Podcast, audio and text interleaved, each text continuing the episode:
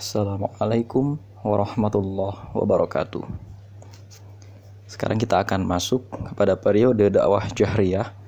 Jadi rupa-rupa argumen yang orang-orang kafir itu berikan kepada Nabi Muhammad yang oleh Allah ini awalnya masih disindir saja.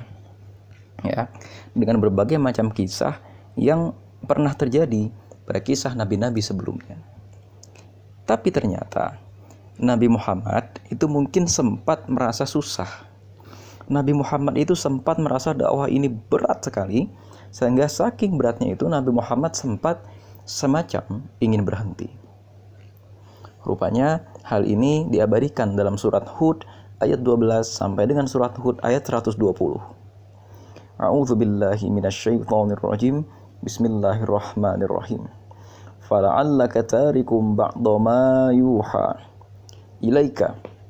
Wadaikum bihi sadruka an yaqulu laula unzila alaihi kanzun aw jaa ma'ahu malak. Innama anta nazir. Wallahu ala kulli syai'in wakil. Maka boleh jadi engkau Muhammad hendak meninggalkan sebagian apa yang diwahyukan kepadamu dan dadamu sempit karenanya. Karena mereka akan mengatakan mengapa tidak diturunkan kepadanya harta kekayaan atau datang bersamanya malaikat? Sungguh engkau hanya seorang pemberi peringatan dan Allah maha memelihara segala sesuatu. Bahkan mereka mengatakan, ini dalam ayat ke-13, dia telah membuat buat Al-Quran itu. Katakanlah, datangkanlah sepuluh surat semisal dengannya yang dibuat-buat dan ajaklah siapa saja di antara kamu yang sanggup selain Allah jika kamu orang-orang yang benar. Maka jika mereka tidak memenuhi tantanganmu, maka katakanlah, ketahuilah bahwa Al-Quran itu diturunkan dengan ilmu Allah, bahwa tidak ada Tuhan selain dia, maka maukah kamu berserah diri masuk Islam? Di sini tantangan paling besar dan paling keras gitu ya kepada Rasulullah. Ini tantangan yang dikatakan oleh Walid bin Mughirah pada saat sidang di Darun Nadwa untuk menentukan sebetulnya Nabi Muhammad ini apa. Kok yang dia bawa itu begitu sakti? Kok yang dia bawa itu begitu menghajar, ya begitu memukul sendi-sendi peradaban orang-orang jahiliyah. Jadi yang jadi masalah itu begini. Ini Rasulullah pada suatu ketika gitu ya, ingin sekali meninggalkan dakwah ini Nah ini loh yang jadi yang jadi masalah. Tapi jangan diartikan Rasulullah itu ingin mundur. Enggak. Rasulullah itu ingin tampaknya kalau dalam bahasa kita sekarang, oke okay lah kita break sejenak. Karena apa? Karena dadanya Rasulullah itu sempit, gitu ya. Lantaran orang-orang itu mengatakan, Loh, kenapa kalau memang kau itu betul di jalan dakwah ini, kalau kau memang itu benar, kok kau tetap miskin? Kenapa tidak diturunkan kepadamu? Kenapa tidak diberikan kepadamu sejumlah fasilitas? Yang fasilitas-fasilitas ini mendukung dakwahmu. Ya kenapa tidak diturunkan kepadanya harta kekayaan? Itu loh. Sedangkan ini lettingnya dakwah Rasulullah itu coba lihat. Walid bin Mughirah orang paling kaya di Arabia pada saat itu. Al-As bin Wahil orang juga yang paling kaya pada saat itu. Abu Sufyan, Abu Jahal, Abu Lahab, dan lain-lain. Mereka ini adalah orang-orang paling kaya. Sehingga ketika Rasulullah itu berdakwah, Ya mereka bertanya, Anda siapa? Anda nggak punya uang. Anda nggak punya proyek. Bahkan Anda kalau ngomong sama kita soal soal politik, Anda nggak tahu apa-apa karena politik itu kenyataannya butuh uang. Di belakang kami ada barisan-barisan pengusaha yang bisa mencampuri keputusan politik. Di belakang kami ada sekelompok pengusaha yang bisa mencampuri urusan hukum, yang bisa membiayai sejumlah besar pasukan untuk membunuhmu. Kami punya sejumlah besar orang yang bisa kami biayai. Kami bisa mempengaruhi pasar. Ekspor impor bisa kami atur. Barang-barang bisa kami tahan. Barang-barang bisa kami naikkan harganya. Kau siapa? Kau hanya punya tawaran-tawaran ngomong doang itu bahasanya kan? Mengapa tidak diturunkan kepadanya harta kekayaan kan itu intinya. Dan ini yang ditanyakan oleh orang-orang Quraisy. Atau pertanyaan kedua. Atau kenapa tidak datang bersamamu malaikat penolong? Yang konkret, yang real. Kalau emang kau ini adalah seorang nabi, ya kenapa urusannya itu kok nggak nggak sakti orang ini, nggak punya malaikat, nggak punya malaikat pembantu. Ini bicaranya tuh masalah imajinasi orang zaman dulu gitu ya. Ya, mengenai argumen yang pertama. Kenapa tidak diturunkan harta? Ini ujian buat kita. Ketika kita nanti menghadapi satu tantangan dakwah yang tantangan dakwah ini membuat hati kita sempit. Ya, pasti nanti akan ada satu titik kita ingin mundur, ingin pergi, ingin break, ingin ingin cut, akan keluar dari gerakan dakwah ini. Yang jadi persoalan, gitu ya. Atau begini, ketika kita nanti ketemu dengan satu tantangan dakwah, ya kita kadang-kadang mau mundur, ya kita itu kadang-kadang udah nggak kuat lagi, staff nggak ada yang bantuin gitu kan, orang yang tadinya milik kita itu udah pergi, orang yang harusnya membantu kita, senior-senior kita nggak membantu sama sekali, sibuk dengan urusannya masing-masing. Kita ditinggal sendiri dan kemudian tantangan dakwah sedemikian banyak, sedemikian padat. Uang kita habis, tenaga kita juga habis. Setiap hari kita ketemu dengan konflik dan konfliknya ini ya kalau Nabi Muhammad ini konfliknya diserang orang. Kalau kita kan konfliknya cuma sekedar orang pergi dari sekeliling kita kan itu aja. Maka boleh jadi ini kata Allah ya. Fala'allaka tariku ba'dha ma yuha. Barangkali engkau hendak meninggalkan tariku, meninggalkan ba'dha ma yuha. Ya, sebagian dari apa yang diwahyukan kepadamu. Kita tadinya orang yang ngurusin dakwah jadinya orang yang nggak mau ngurusin dakwah maunya diurusin terus sama dakwah ini surat Hud ayat 12 ini Rasulullah itu betul-betul jadi Allah itu seolah-olah ingin bilang aku tuh tahu kau sedang mengalami apa jangan-jangan kau ingin pergi ya dari jalan dakwah ini. Tapi apakah di sini Allah marah? Nanti kita akan kaji. Dan kata Allah di sini dadamu sempit karenanya ya kan? Dadamu sempit karenanya.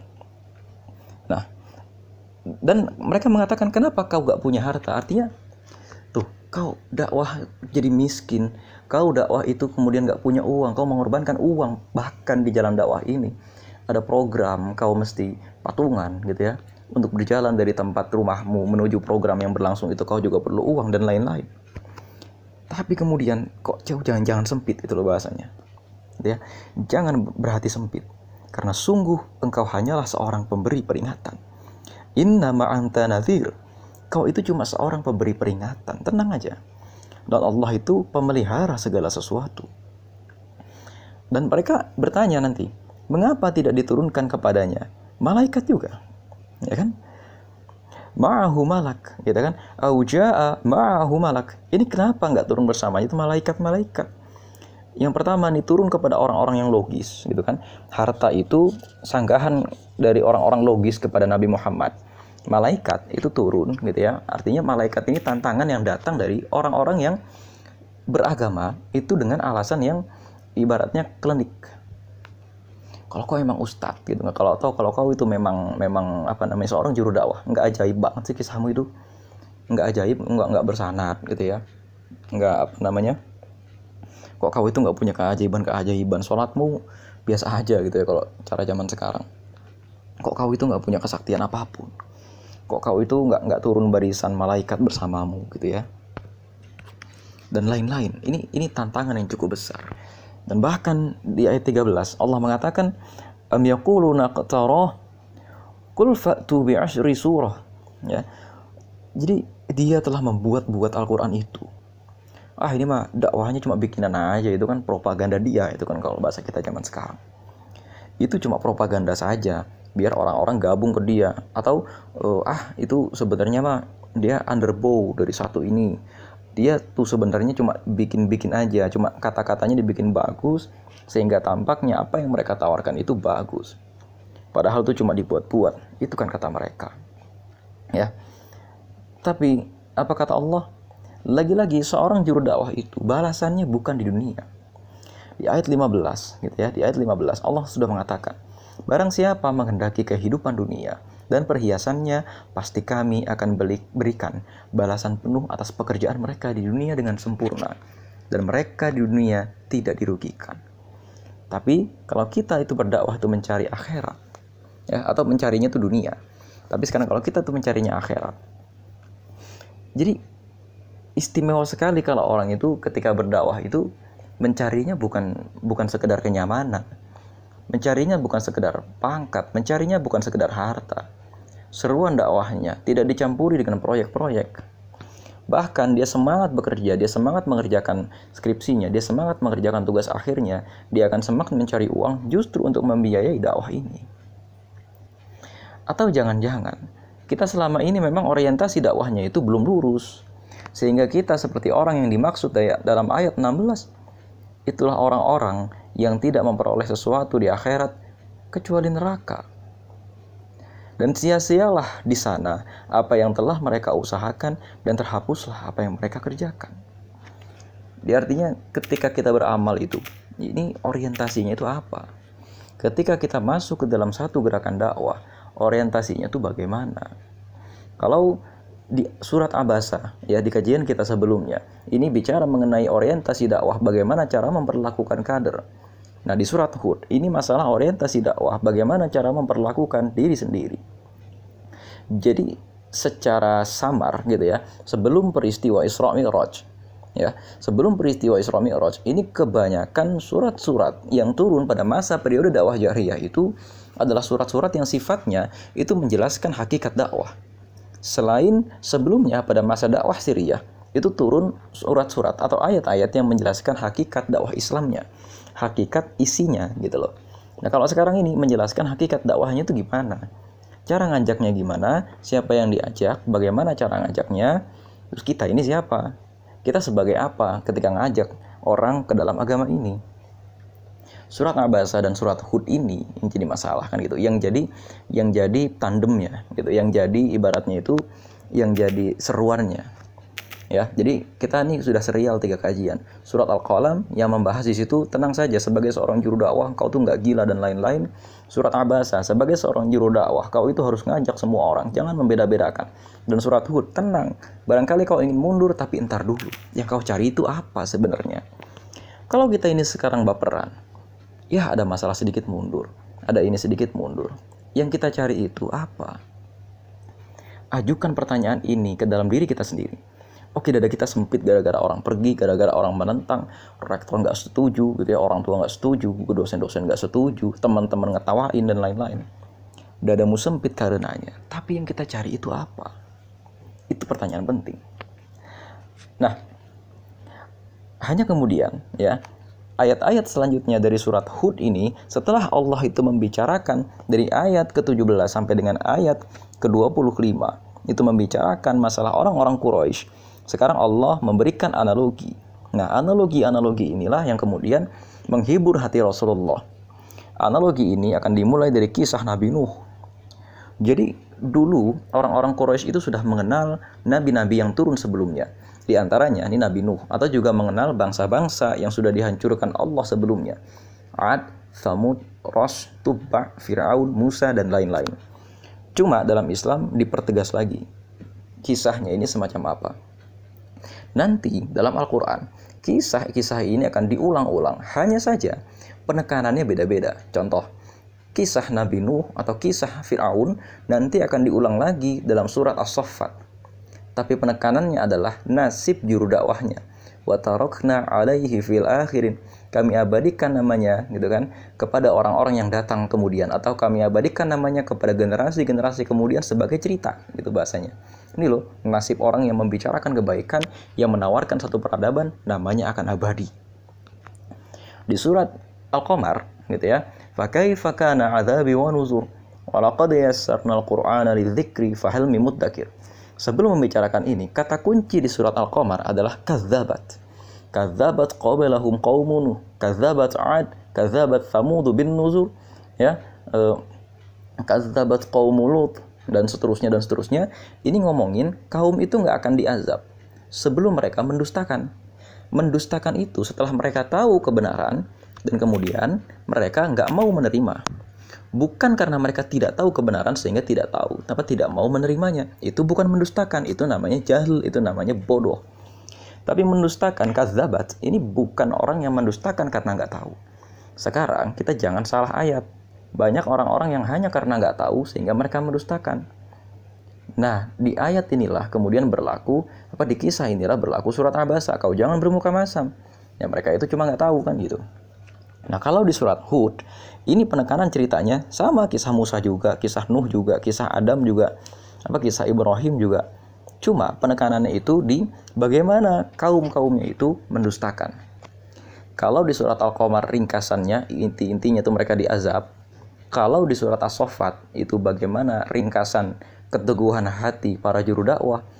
Kalau di surat Hud ini bicara mengenai argumen-argumen apa saja yang pernah ditembakkan orang-orang kafir sebelum mereka. Artinya Allah tuh menghibur, tenang, emang sebelum kamu juga kayak begitu. Berkaitan dengan kisah ini, saya menemukan satu dokumen manuskrip ya. Manuskrip ini berkaitan dengan pembahasan dasar negara Indonesia dalam sidang konstituante pada tahun 1950-an.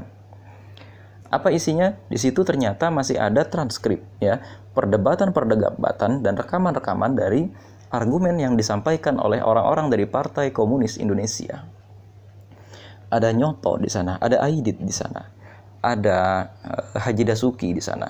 Haji Dasuki Sirat, ya, dia itu seorang ulama, tapi ulama yang ada dalam barisan Partai Komunis Indonesia. Dan lain-lain. Apa argumen mereka? Ternyata sama.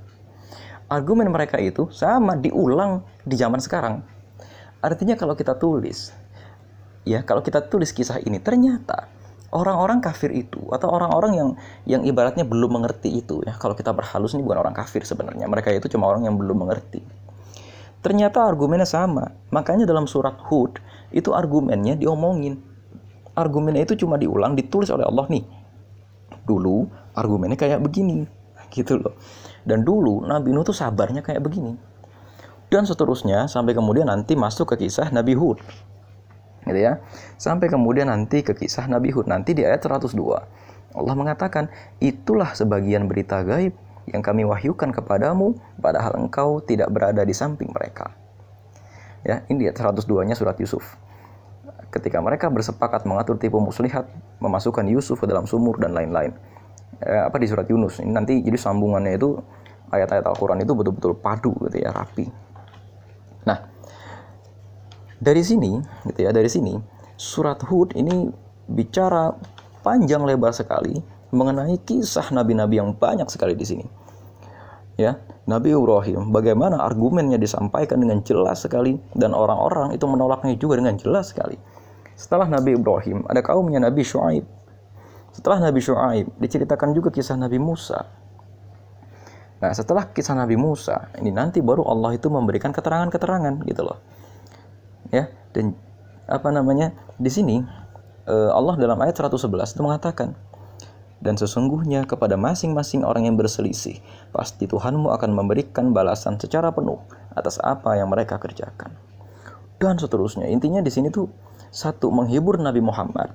Yang kedua hiburan ini itu malah semacam mencemooh orang-orang yang selama ini memberikan argumen. Artinya apa? Coba kalau kita itu mau, mau, mau membantah orang zaman sekarang tembak aja kasih cerita-cerita orang-orang zaman dulu yang sudah menentang Islam. Argumennya kayak apa? Bongkar bahwa itu cuma argumen lama sebenarnya. Mereka tuh nggak baru sebenarnya. Ya karena mereka itu nggak baru nggak ada alasan gitu kan. Ya sebenarnya kan argumen-argumen lama itu cuma di remake aja cuma dibuat ulang. Tampaknya menjadi hal yang baru dan kita jangan terjebak sama permainan itu. Jangan dada kita menjadi sempit lantaran argumen-argumen yang lama itu nanti berseliweran ada Instagram ngomong begini ada Facebook postingan ngomong begini ada jarak komen ngomong begini. Wah seorang tokoh menistakan Islam. Seorang tokoh membayar orang-orang membayar pengacara membayar pengadilan untuk menentang Islam. Jangan kaget karena itu orang zaman dulu juga kayak begitu. Tulis aja jadikan hujah. Bikin esai motif dia sama seperti motif PKI misalnya motif dia sama seperti orang Belanda Motif dia sama seperti motif orang-orang yang memberontak kepada kerajaan Majapahit.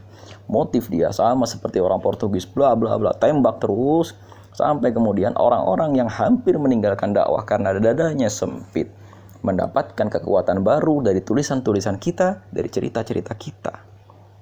Itu loh yang menjadi persoalan. Dan ini kemudian ditegaskan oleh Allah dalam surat Hud ayat 120 sebagai penutup kisah-kisah tadi.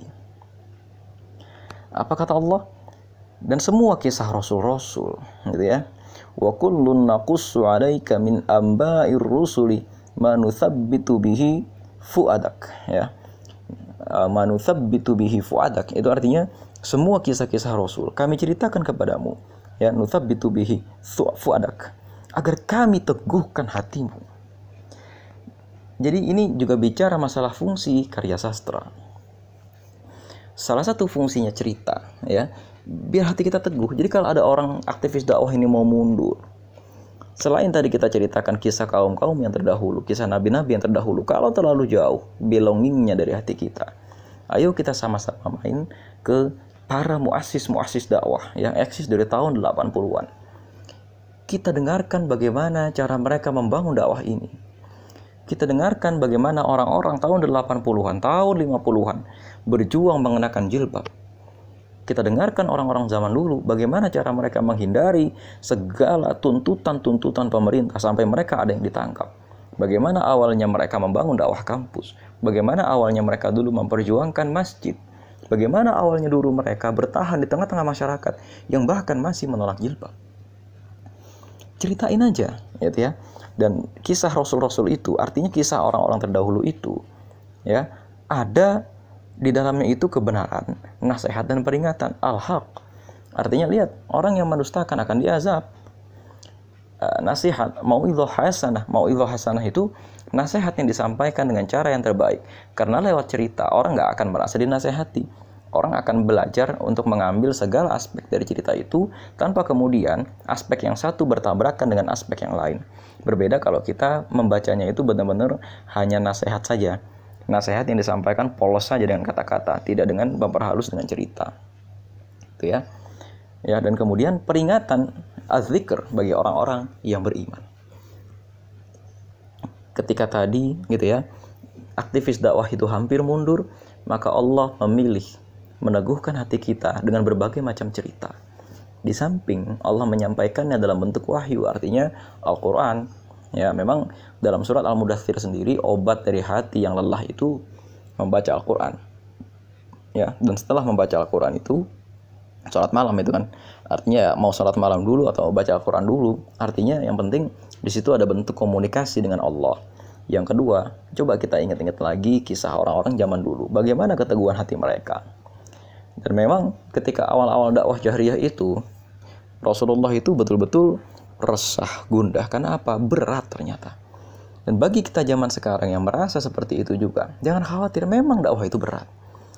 Tapi jangan pernah mundur selangkah pun karena yang kita cari bukan di dunia ini. Allah alam Assalamualaikum warahmatullahi wabarakatuh.